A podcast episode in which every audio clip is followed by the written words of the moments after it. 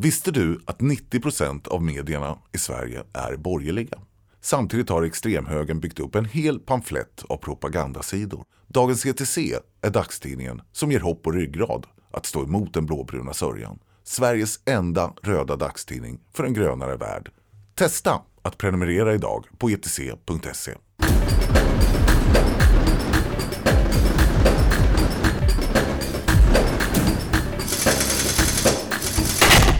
Folk brukar ju spana om att influencers skapar en perfektionshets bland sina följare.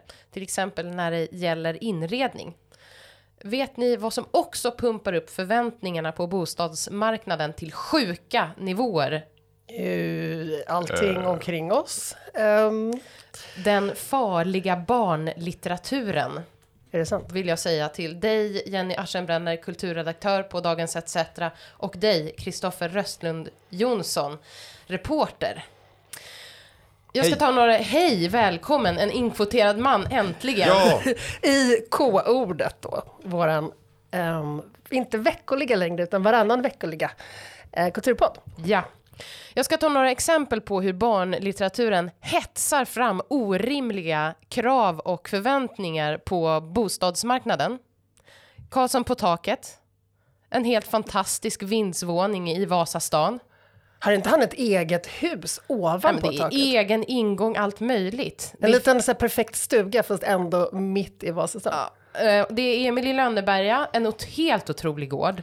Alltså, är den verkligen det? Va, massor med attraktiva lador. En preppers dröm. Men, men är inte det, Emil, ändå, är inte, det är väl arbetar... Otroliga trägolv. Har ni sett dem? Stuckaturer i fönstren. Är inte det rufft och eh, oslipat och ett hårt liv på landet? Det är så snyggt. Och den senaste i hetsaren, Petson. Alltså känd som Petson och Findus Petson. Som bor i en helt otrolig gård med massor med fina små lador. Det är jordbruksmark runt omkring och sådär. Och nu har det kommit en trend på svenska Twitter, Petson-core. Spontana reaktioner? Spontana reaktioner är väl att du beskriver Unabombaren. En, ens, en ensam man isolerad som blir i, så, är så ensam så att han börjar prata, tror att hans kan prata, vilket faktiskt en av de här böckerna handlar om, den här, den här när Petsen var liten och försvann, så är, är det ju uppenbart. Findus var liten och försvann. När ja. Findus var ja. liten och försvann, så är det ju ganska uppenbart att liksom, det är Petsons ja. ensamhet den. som ätit sig in i hans hjärna, så att han liksom fantiserar fram att den här katten kan börja prata om byxor och så. Den, den tillbakadragna boken, Petson skickar bomber till myndigheter. Men han har också mucklor i väggarna, alltså de här små figurerna, så att jag är liksom all, ja, självklart så är jag allvarligt eh, oroad för hans eh, psykiska hälsa. Eh, men där, han har liksom blivit en nu posterboy till eh, fenomenet cottagecore kan man säga.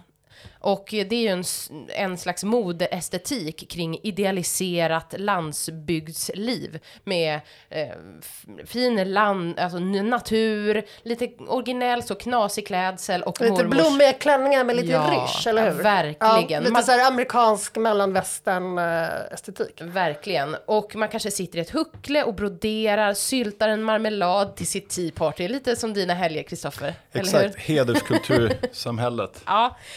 Um, och i, det här började puttra lite i våras när folk delade bilder så här på, på Petson och Findus. Så här, det här är liksom drömlivet. Och nu har det put, liksom kommit till liv igen. Get rich and get off the grid intill ett Petson collage och så. Någon har till och med gjort ett sånt här klassiskt steal his look plock med Petsons kläder. Jättedyra var de. Ja, alltså Petsons look är väl väldigt så uh, hipster uh, perfekt, är det inte så? Ja. Alltså, Men är inte det, den gamla bilden av hipster, är den fortfarande aktuell för en hipster mm. nu? Ja, ja, för det här är lite min, eh, mitt orosmoment kring den här trenden och det är att jag tror att liksom hipsters kommer att förstöra Petson eftersom vi, eller de, förstör allt i, i princip. För att eh, Brita och Kalle Wahlgren Zackari, de har ju haft ett sånt, hjälp jag har köpt en bondgård-program på SVT. Är väl dock ändå inte hipsters under någon definition. Vad säger du nu? De är väl ändå inte hipsters? Det, det är de väl. I, I definitionen trendskapande eh, höginkomsttagare som folk apar efter. Så tycker jag att de är det. Ah, hipster ska väl ändå vara något sorts avantgarde med, inte mainstream familjemysunderhållning. Mm. Okej, okay, okay, vi ska inte fastna i definitionen av, av hipsters. Men det man kan konstatera är ju att det här är liksom cottagecore, petsoncore och drömmen om en bondgård har någonting med eh, konsumtionshetskritik, det har någonting med gröna vågen-vibb att göra. Men det landar ändå alltid i att det ska bli eh, en livsstil som inte sällan är jävligt dyr att upprätthålla och som bara pumpar upp priserna på olika gårdar och på såna kanske pösiga byxor på, på second hand. Men kommer Petson vara tvungen att byta stil nu om det skulle komma en ny bok för att liksom skydda sig själv från den här, så att inte han framstår som så här, en del av den här trenden. Ja, men det tror jag. Han, eh, han får ta, eh, liksom, köpa lite mangakläder som ingen har på sig längre. Det är mitt tips. Eller på väldigt tajta jeans. Perfekt. Eh, jag skulle vilja komma med ett citat här. Mm. Om kulturkriget har ett 11 september är det den 1 februari 2004. Kristin, vad hände då? Ja, men det var ju Nippelgate eh, som hände då. Alltså Janet Jackson och Justin Timberlake uppträdde på eh, Super Bowl. Super Bowl. Och, och jag ska bara säga, den som säger det här heter Tim Winter och är ordförande för Parents Television of, uh, and Media Council, PTC. I och, USA? I USA. Ja. Eh, och är en sån lobbyorganisation för att man ska censurera eh, tv-underhållning för att skydda barnen. Mm. Eh, vi har sett samma dokumentär som handlar om det här Nipplegate. Eh, Janet Jackson skulle uppträda, hon skulle ha en ny skiva på gång. Eh, det var otroligt stort i USA, Super Bowl, eller hur? Mm. Eh, ja, men det, var, det var MTV som stod för pausunderhållningen, och de var de största stjärnorna. Eh, Janet Jackson skulle just släppa en skiva och sådär. Och, så, och Justin Timberlake tror jag nyligen hade gjort en sån solokarriär och så skulle de göra ett sexigt framträdande som ballade ur och i hemlighet så kuckelurade de ihop eh, någon slags eh, eh, bröstsituation där de visade hennes bröstvårta med en piercing som ser ut som en, liksom, en liten sol typ. Eh, och eh, ja, det här togs igenom alla kontroller som både tv-bolagen och eh, NB, heter de NBL eller? Eh, National Football League, ja, NFL. NFL. Det var ju otroligt viktigt för dem att det här skulle vara familjevänd ja. underhållning och man var väldigt orolig för just det, vad MTV skulle hitta på. Eh, man var väldigt orolig över vad väldigt många artister skulle hitta på. Ingen var orolig över Janet Jackson. Eh, men detta hände och det fick helt brutala dimensioner, den här då, Nipplegate. Kommer du ihåg det, Kristoffer? Jag kommer ihåg det. Och poängen med det var väl att det, det var hennes karriär som gick helt åt skogen. Att han klarade sig väl. Verkligen. Och han blev sig. ännu mer framgångsrik. Men hon blev yep. mer eller mindre cancelled för att använda ett modernt ord. Men det sa ju ingen då. Men hennes karriär gick väl helt... Boom. Ja, alltså det, det här kan man ju tvista lite om. För att eh, visst var det så att eh, hennes karriär liksom lades på is i ett par år medan Justin Timberlakes bara exploderade. Men det är inte så som man kanske kan få bilden av i den här dokumentären att Janet Jackson har legat under en, liksom, en sten sen dess och varit persona non grata, utan hon har varit på flera turnéer sen dess eh, och sådär. Det är lite som i Searching for Sugarman, alltså att det visade sig så här, men vänta, han är inte bortglömd, han har faktiskt gjort en turné i Sydafrika, men det passar inte storyn. De har ju spetsat storyn, ja, ja men absolut. visst var det ändå så att hon fick skiten? Ja, att det var inte, fick... Fast det var ändå han som typ ja, men exponerade hennes Där de ja, tvistade, ja. de lärde. Vems fel var det?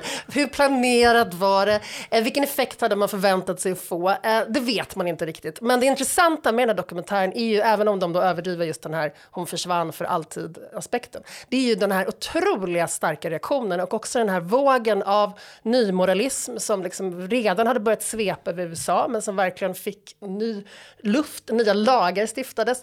Ja, Janet eh, Jackson-lag. Ja, liksom efter det här var ju uppe liksom i kongressen och senatorer tog upp det här. Det var, det var liksom en, en otroligt viktig händelse och det är ju fullständigt bisarrt. För när man hör det här citatet i början av dokumentären om kulturkriget har ett 11 september så tycker man ju bara att det är en helt absurd sak att säga. Men när man har sett dokumentären så ser man att det finns en poäng. Och vad som också tas upp på ett väldigt intressant sätt tycker jag, det är ju hur det är liksom, förstås alltid för en kvinna otroligt riskfyllt att försöka uttrycka sin sexualitet eller att anspela på sexualitet och samtidigt påstå sig vara en fri individ. Det där håller vi på med Och fortfarande. en svart kvinna Ja. dessutom, det ska man verkligen inte glömma bort. Alltså svarta kroppar som eh, har en historia av att avhumaniseras och, och så vidare. Ja, så för många så här, svarta feminister och aktivister så blev ju det här en symbolhandling. Att den här vite mannen exponerade henne och hon fick all skuld, all skam, all skit för det. Men så har väl USA alltid hållit på. Alltså USA är ju det fantastiska, hemska landet som är helt besatt av sex samtidigt som man är supermoraliserande gällande sex. Så här höll de ju på, har de ju alltid hållit på. Absolut. Ehm, absolut. Just gällande kvinnokroppar då, såklart. Ja, alltså, det förvånar mig faktiskt också lite när jag, eh, när jag ser tillbaks på det här. Därför att eh, vad, det, är som, det är så otydligt, var, var går gränsen? Det där var uppenbarligen alldeles för mycket. Samtidigt så, så här, de uppträdanden som Britney Spears gjorde på MTV-galor och sådär, alltså det är så sexigt så att man sitter där och liksom... Men kanske är det just att hon Men det är just man visar Madonna och något. så vidare. Ja. Nej, det är att man visar en bröstvårta. Det Ja. sitter bara i visandet. Den, det. de I- centimeterna i som... detaljen. Ja, det var Ja. där gränsen Ja, det är exakt där gränsen. Och, Alltså, och samtidigt som man liksom kräver att servitriser ska ha superkorta kjolar på sig som en del av Och- sitt arbete och Ja. tycker att det, det är totalt socialt att det finns hela, jag menar restaurangkedjan Hooters har ju det. Mm. Som, det är ju deras USP att man har utmanande klädda servitriser med stora bröst. Men det visas inte i tv som tittas Men man, av och man ser inte Ja. bröstvårtan. Nej. Det är just det det sitter i. Men jag tror också samtidigt som det här argumentationen som framförs i dokumentären är just det här att hon är en svart kvinna och en av de första i alla fall i den här vågen som är väldigt explicit med sin egen sexualitet. Att hon kräver att få vara ett sexuellt subjekt också. Att så här, jag alltså så här, vill det här, jag vill vara sexig, jag vill också ha sex. Och där skiljer det sig från i alla fall Britney Spears tidiga karriär där hon hela tiden skulle liksom på något sätt marknadsföras som oskuld samtidigt som hon skulle attrahera mäns blickar. Och därför blev ju Janet Jackson den perfekta syndabocken för de här moraliserande högervindarna som blåste väldigt starkt då. För hon gick ju igenom den artistförvandlingen, Janet. Hon var ju en ganska oskyldig, ja men 80-tals artist. Och sen fick hon ju den där sexuella uppvakningen som, jag, kommer ni ihåg det? Nasty, Hon, hon, nasty ja, hon boys. skaffade ju också den där intim-tatueringen. Kommer ni ihåg det?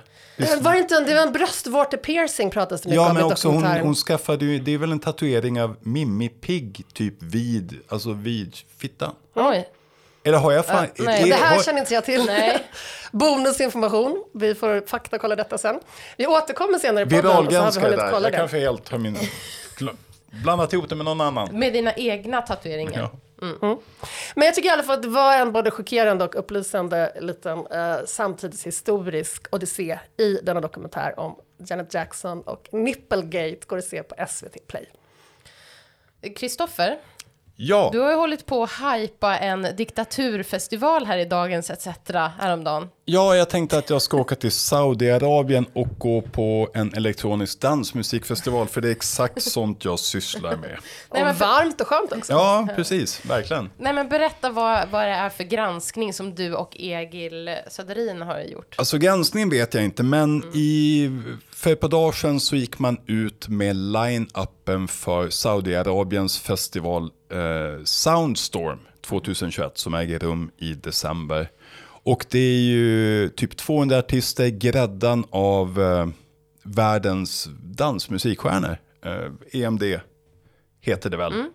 L- Låter extremt gubbig när jag frågar, men ja. Electronic Dance. Exakt. Och däribland så fanns det ju, i och med att Sverige har väldigt, väldigt många tunga namn i den genren, så fanns det ju väldigt många svenska artister som är bokade att spela på den här festivalen i Saudiarabien då, som inte arrangeras bara av en privat arrangör utan även eh, arrangeras av diktaturen. Alltså myndigheten för, vad heter det? myndigheten för underhållning i Saudiarabien är ju medarrangör av den här Det festivalen. här är en propagandafestival för att marknadsföra Saudiarabien och öppna upp Ja. på något sätt Det är för väst. ja, väst. för, för den, här, den här myndigheten för underhållning grundades på order av kungen 2016 och syftet är att eh, marknadsföra Saudiarabien och Saudiarabien vill eh, få in pengar på underhållning. Man vill eh, tjäna pengar på liksom Ja, sin egen, man vill inte att befolkningen ska åka till andra länder och spendera sina pengar. Man ska stanna i Saudiarabien och även locka andra människor att komma dit och spendera Men är det också inte en del av att man vill framstå som ett modernt land? Ja. Man har stora imageproblem kan man väl säga. Ja, alltså man har ju väldigt Varför stora har man image. det? Ja, för att man... för att man Styckmörda folk, jag vet inte. Man låter styckmörda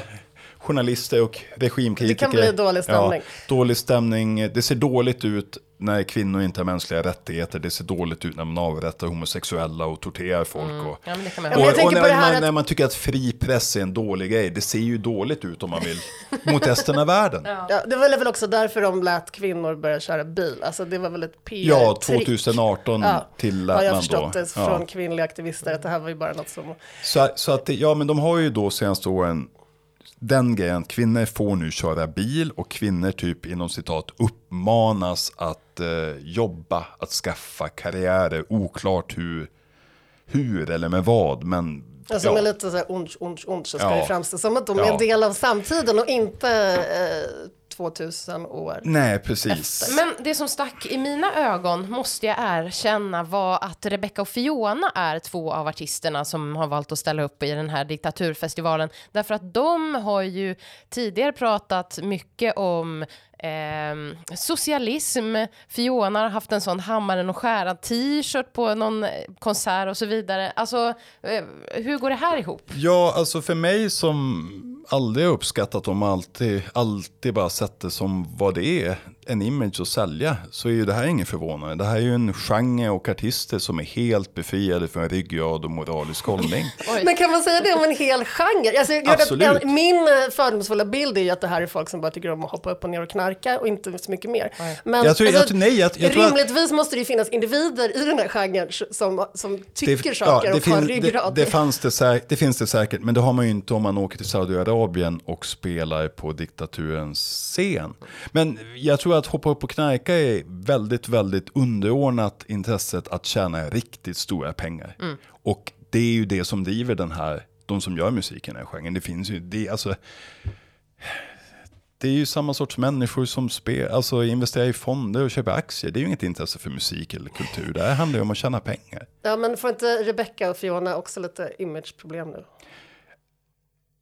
Jag vet inte, alltså jag bryr sig folk som gillar den här sortens musik om det överhuvudtaget? De skulle väl sälja sin egen morsa för en spottstyvel, de här människorna.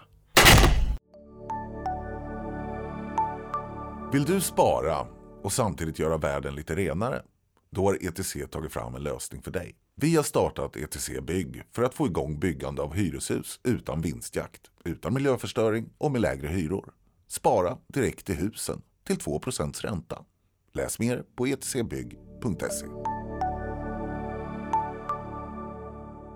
Tinder-debatten, den fortsätter och fortsätter. Bara nu i veckan så skrev Katja Hultqvist i Dagens Nyheter apropå Andrea Romares roman. som Amanda heter- Romare. Amanda, jag har skrivit fel här. Amanda Romares roman Halva Malmö består av killar som dumpat mig. Ja. Den fick jag rätt. Mm. Väldigt bra titel. Den är väldigt bra. Och skitrolig bok. Gud vad jag skrattade. Jag har skärmdumpat så många sidor ur den. Ja.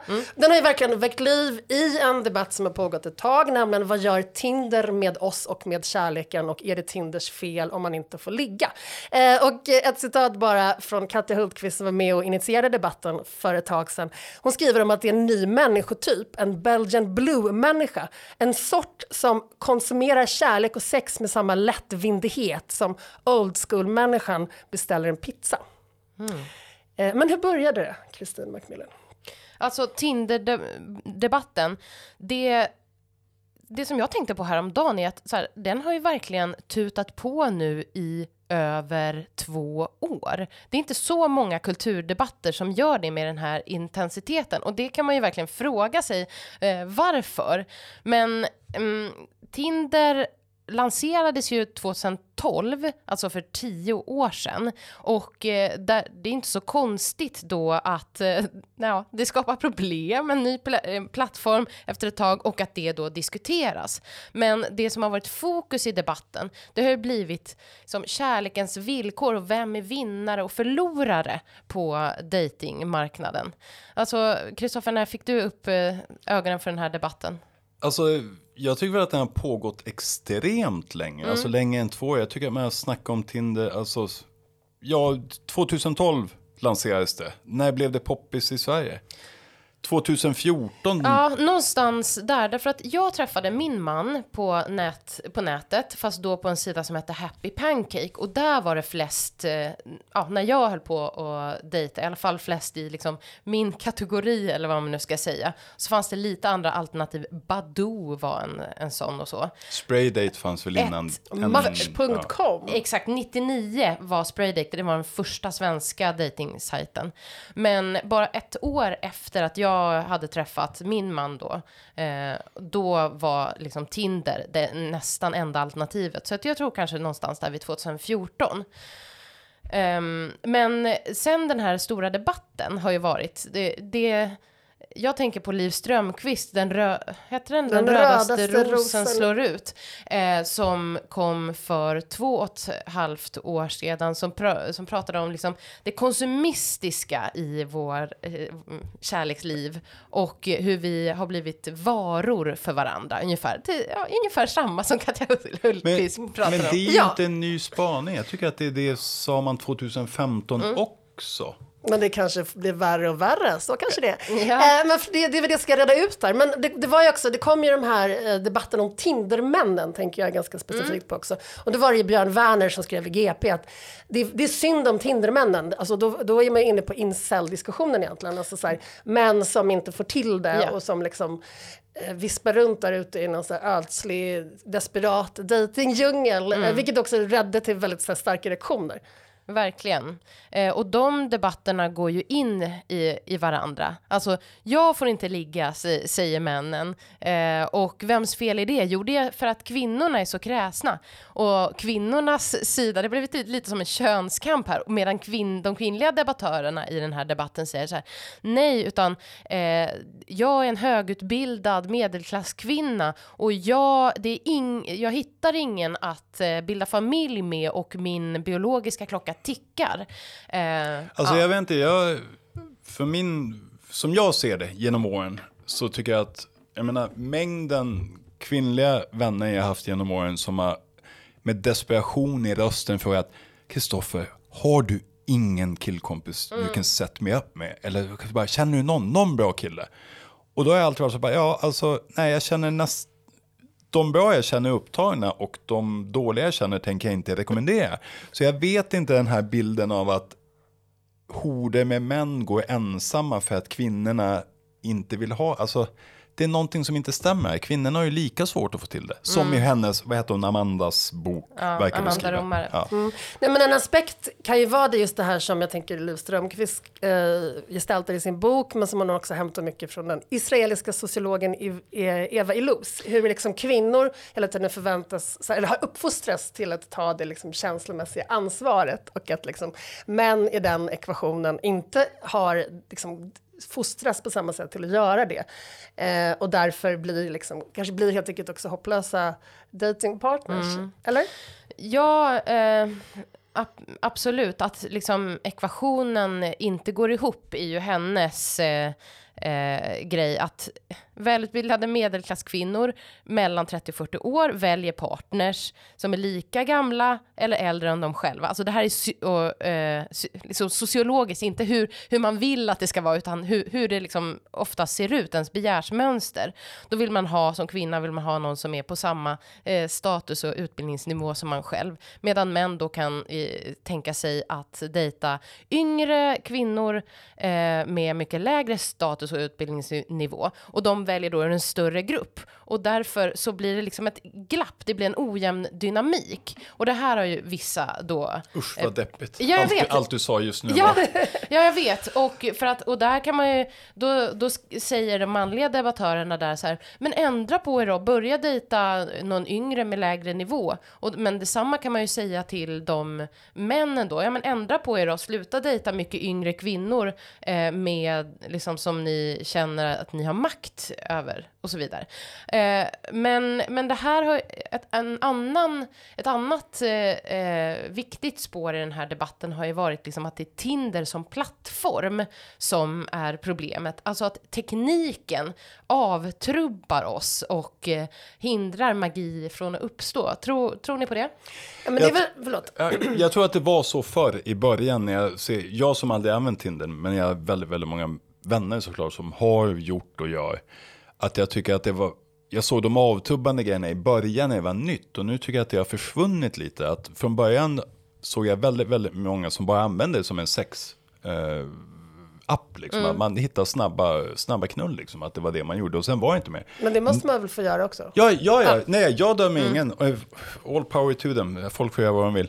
Men nu ser jag mer att folk använder den för att, för att hitta, ja men, någon riktig, någon partner, någon seriös. Och det kanske säger mer om åldersgruppen på människor jag umgås med. Kanske att det var en åldersgrej. Men om vi ska gå tillbaka till den här hämt-pizza-referensen är Som är annan... väldigt, väldigt trött. Förlåt, det är en väldigt dålig. Den var inte min. nej, nej, jag vet att det inte var din. Jag vet, det var, en- det var därför jag det. Var jag väldigt ändå, trött vi kan tänka så här, Foodora-referensen, hä- hämtmat. Eh, men om man tänker sig att så här, en annan liksom, argumentation som har, som har, kring det här har ju varit att själva det digitala gör att vi liksom beställer en partner istället för att så här, möta en människa så har vi liksom ett kravformulär och så är det så här, klick, klick, klick i de rutorna. Ja, men jag vill ha extra ost, minus bacon, extra gurka eh, och ett eh, fiberrikt bröd till min burgare. Eh, och det gör att vi både är väldigt så här, snabba med att kanske fördöma relationer så där någon inte lever upp till alla de här små aspekterna som man har tänkt sig.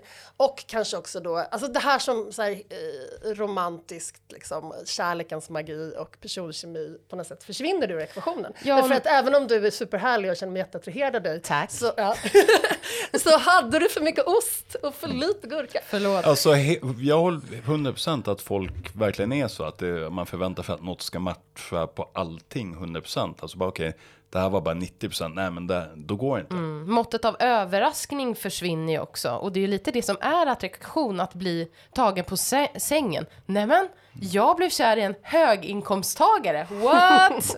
ja, eh, nej, Vem men- kunde ana? Vem kunde ana? Nej men det här är en tendens som går igen i liksom hela vår kultur tänker jag, inte bara på datingmarknaden utan alltså överallt så liksom injiceras vi ju på olika sätt med budskapet att vi inte ska vara nöjda utan att det alltid finns någonting att så här, någonting mer att vilja ha för att eh, är vi nöjda, då kan ingen sälja saker till oss. Och ingen, eh, ja, ingen tjänar på att vi är nöjda och förvaltar det vi har. Utan missnöje är ju någonting eh, som marknaden jublar över. Och det är inte så konstigt då att våra relationer eh, då Ja, att det, det sättet att tänka och agera spiller över till våra relationer. Särskilt när plattformen, alltså liksom telefonen är, det är samma ställe som vi konsumerar varor på. Samtidigt när du väl har hittat det där, du har hittat ditt förhållande och flyttat ihop och man har skaffat barn och byggt ett bo, som det heter, och man har allting. Helt plötsligt så upptäcker man att man, man är fan inte nöjd ändå. Nej. Och då är det för sent att komma ur. För Alltså, ingen Hur lär oss att förvalta. att, för att du tror att det finns något bättre Nej, men man upptäcker att, eller ja, bara men att sen är ju så här, det är ju såklart att de flesta förhållanden har ju en bäst före-gräns. Alltså efter 15 år så upptäcker man fan det här var väl inte så great ändå. Och jag är inte på väg mot döden, jag är fortfarande ganska många bra år kvar, jag kanske skulle hitta något annat. Men då är man ju fastlåst låst liksom i så många lo, rent logistiska Stockholms bostadsmarknad. Det är väl inte bara, ja, ja, men Ja, exakt, men ja, som men ett exempel. Nej, men jag tänkte bara, alltså, du pratade om det här med, med konsumtionen och det är en aspekt. Men jag tänker också på hur vi pratar om oss själva och varandra i liksom, den här, moderna psykologiska termer. Så pratar vi väldigt mycket om så här, självrespekt och alltså, så här, någon sorts också mer kanske klinisk version av ta ingen skit. Man ska inte umgås med energitjuvar. Man ska liksom se till hela tiden att så här, stärka sig själv. Och det där är ju otroligt bra och väldigt många har ju haft stor hjälp av det. Men att man kanske också till slut vad ska man säga, att man börjar tänka väldigt så pragmatiskt och instrumentellt kring alla sina relationer. Alltså så här, Vad kan du här, ge mig? Vad kan Ja. du ge mig? Och då behöver det inte vara framgång eller pengar, utan det kan verkligen vara så här, ger du mig det känslomässiga stöd som Och hur jag ska behöver just du nu? passa in i mitt Ja, livspussel? och nej, det gör du inte. Ja, men då väljer jag en annan som kan göra det just nu. Eh, och det där är väl också liksom någonting som spelar över på hela liksom, relationsskapandet också. Och att att vi blir våra relationer- oförlåtande mot Ja, varandra. verkligen. Men också Ja. att våra relationer definierar oss eh, så himla mycket. Men Kristoffer, när vi pratade lite inför det här, Mm. då eh, tog du upp hur debatten såg ut lite mer så här, ja men för kanske 20 år sedan. Ja, Någonting men- som har försvunnit. Ja, men jag tycker att hela debatten nu då, om vi tar den aktuella Tinder-debatten och kanske männen och allt det har kallats igen, genom åren, de senaste åren, så är det ändå att utgångspunkten är parförhållandet. Att det är det vi ska prata om och det kan vara bra eller det kan vara dåligt, men det ska vara där. Att jag upplever att på 90-talet så var man mycket mer ifrågasättande kring liksom kärnfamiljen, tvåsamheten. tvåsamheten, kärnfamiljerna. Nu är det det enda som finns på något sätt i den offentliga diskursen. Det. Och, jag vet, och jag, jag vet att man inte ska säga så bara ingen pratar länge om, för att ofta är ju, ofta är ju så bara att folk pratar om det men jag har inte sett det. Men då har Men- det ju inte pratats om lika mycket i allmänna, Nej, så, breda så kontexter. men nu är det ju verkligen, all debatt om Tinder nu handlar ju bara om att man ska hitta the one. Att det finns som inget annat att diskutera. Hela, Och på något sätt får vi göra alla andra livsval som vi vill, men vi måste jävlar mig Ja. hitta liksom. Att- och det kan att- vara en kille eller tjej, men det ska vara en Ja. person. Och jag upplever att liksom på 90-talet så, när man pratade om så fanns det mycket mer, mycket mer queer-perspektiv på familj, förhållande, kärlek, sex liksom. När, när man pratade om det. I alla fall i mina kretsar. Mm. Men poly, ju, um, alltså, den har väl försvunnit lite. Men Ja, den- den har jag tror också det, dött ut, Det den. dog med covid, tror jag. Är det så? Jag tror nästan Ja. det. Att det var väldigt mycket snack om så här polyamorösa Ja, relationer men- för några år sedan. Och sen kom covid, då fick man inte... Smittosäkert. Kanske. Ja. Men jag, jag funderar också över om Men det verkligen... får jag bara säga att absolut. när den har förts den, när, när man har tagit in polyförhållanden, så har ju oftast, vad jag har sett, ändå förts som ett fördömande ordalag. Liksom att man har lyft och pratat om det, men ändå någonstans landat i att det här är nog ändå inte så bra. Att det här, det, Lite ah. insidanaktiga, inkännande grejer har Ja men precis, också. men alltså bara det här okej, ni håller, ja men parförhållandet, ah, tänk på parförhållandet, ganska nå- bra ändå. Mm. Någonstans ska vi ändå dra in hatet mot tantrasexet i det här också. Alltså så här, det massiva fördömandet av folk som ändå... Alltså man kan tycka vad man vill om det, det var ändå människor med ett öppet sinne som försöker utforska Du tänker på den här gården som blev en smittocentral. I- Just- ja, i just det. Som sen gick Som ut. Har, alltså de betedde sig ju illa i relation till smittspridningen, det går inte att säga Ja. någonting om. Men att det här att den här massiva liksom, både så här föraktet och skojandet Ja. och fördömandet Men det är ju så och lätt hatet. att skoja Ja, med det. det det är så kul. Men, men de gick, DN gjorde en jättestor reportage om det sen efter och de kände ju så bara att ja, men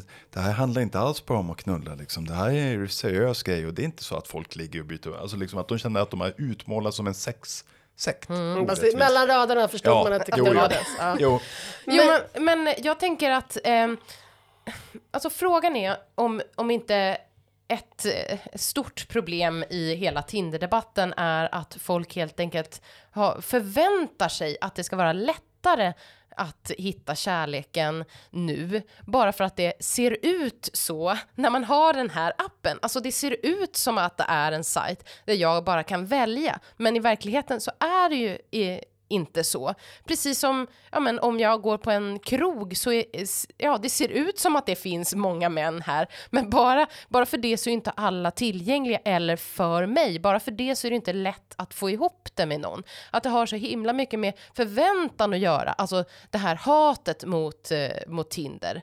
Men också att det är såklart att, det, att Tinder förstärker vissa eh, beteenden och eh, ja, det blir liksom knepigare på det sättet. matchningsmönster mellan män och kvinnor ser till exempel väldigt olika ut. Att eh, kvinnor sveper ja på färre och män sveper ja på fler. Och det gör att eh, alltså, ja, det där förstärker eh, sig självt efter ett tag. Så att då måste män liksom kasta ut ett nät med jättemånga för att få chans att få ja på någon. Därför att kvinnorna vet att eh, männen ofta är oseriösa då, blir det ju. Eller hur? Eftersom de har många trådar ute. Ja, då tror sätt. de det att blir självuppfyllande Ja. och vi förstärker gamla könsroller. Ja. Allt är jättemuggigt och tråkigt.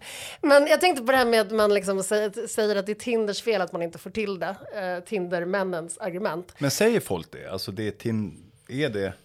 Ja, alltså det har framförts i alla fall Ja. att, liksom, att män blir ensamma eh, genom den här, liksom, så här eh, kvin- också kvinnor har ett sånt kapital i den här, på den datingmarknaden. Så att ett sexuellt kapital som gör att de kan välja och vraka. Medan, Det är en sån himla gammal Mm. ståndpunkt. ja, pun men den framförs Ja. fortfarande hela tiden. Så då är jag nyfiken på, vad, vad har ni skyllt på när ni inte har fått till det på datingmarknaden? Eh, jag har nog aldrig inte fått till det. Okej, Eller, Skryt. eller ja, jag vet, jo, ja, nej. Jag Eller- hörde en, i en annan podd så påstods det att om man går tillsammans med dig på gatan så vänder sig kvinnorna om. Vilken podd var det? P3-klubben. Nej, men, nej, men jag vet, alltså, jag har nog inte heller alltså, date-datat på det viset att man går och äter mat ihop med någon man inte känner särskilt mycket i mitt liv. Har ni det? ja, Japp. det har jag gjort. Ja. Jag har ju nätdejtat. Då, Ja, jo, på, Ja, Fast mm. på, på en annan plattform. Bara. Innan du hittade din man, Innan jag hittade min vad eh, tänkte du var problemet då? Eh, Okej, man ska vara pinsamt ärlig. Att eh, jag var för bra. Nej, men lite Den så. är klassisk. Den är klassisk. Eh, män är rädd för starka kvinnor. Ja. Är det den eller är det Eller liksom lite så så du är lite out of de flestas League, eller? Tack. Kanske? Kan det vara så? Det var en känsla som jag ibland kände ja. Mm, Ja. Och absolut. Mm. mm. Men också eh, på, på ett sätt, alltså ett problem är att ju, alltså, det är inte så himla lätt att veta vad man vill ha, vad som är bra för en och sådär. Eh, så man, där är det ju ett mått av att man måste testa sig fram lite grann.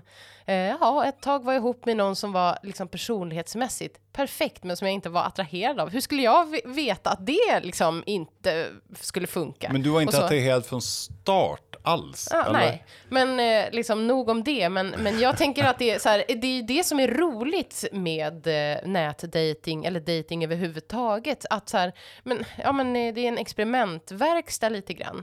Det finns en stor fråga, alltså Ja. ett stort frågetecken inför varje dejt. Här, Ja. Vad som helst kan hända. Ja. Och så måste man låta det också hända. Ja. Men jag vet inte, jag tror att det här sitter väl alltså, mer i personen än vad man använder för verktyg. Just det att skylla på någon annan än själv. Om jag misslyckas med saker i mitt liv så är det väldigt sällan jag har någon annan att skylla på än eller det här lät oerhört dumt också.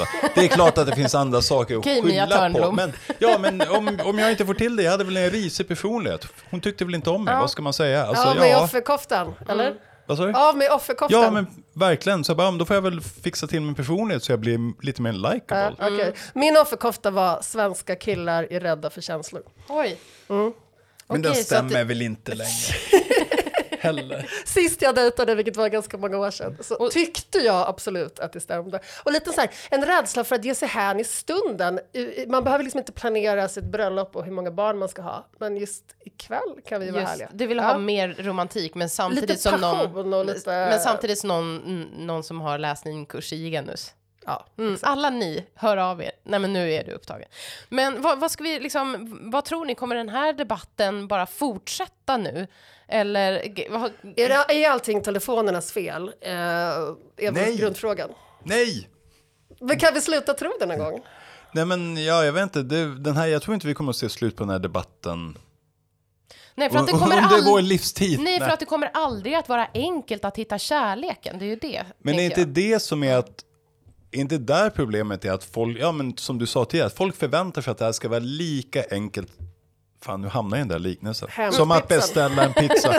Helvete! Ja men ni fattar, ja. Ja. Det är ju inte Men enkelt, är det det är inte- ju skitsvårt. Nu ska jag argumentera för en stor samhäll, sa- samhällsomvandling, att vi överhuvudtaget behöver sluta se på oss själva och på varandra som maskiner som man liksom kan stoppa in si och så mycket stimuli i och så kommer det ut si och så mycket tillfredsställelse och lycka.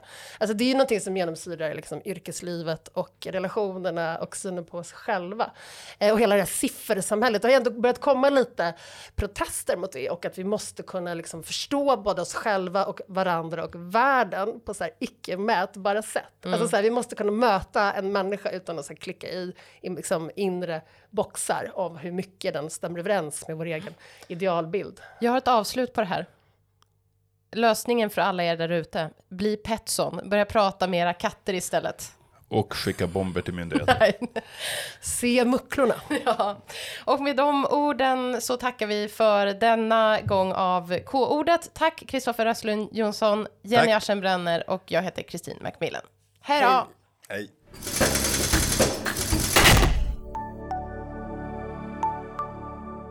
Har du pengar på banken? ETC Sol investerar dina pengar i solceller, det vill säga framtiden. 2500 personer har sparat pengar och får nu 2% ränta. Vill du vara med? Läs mer om hur du sparar på etcsol.se.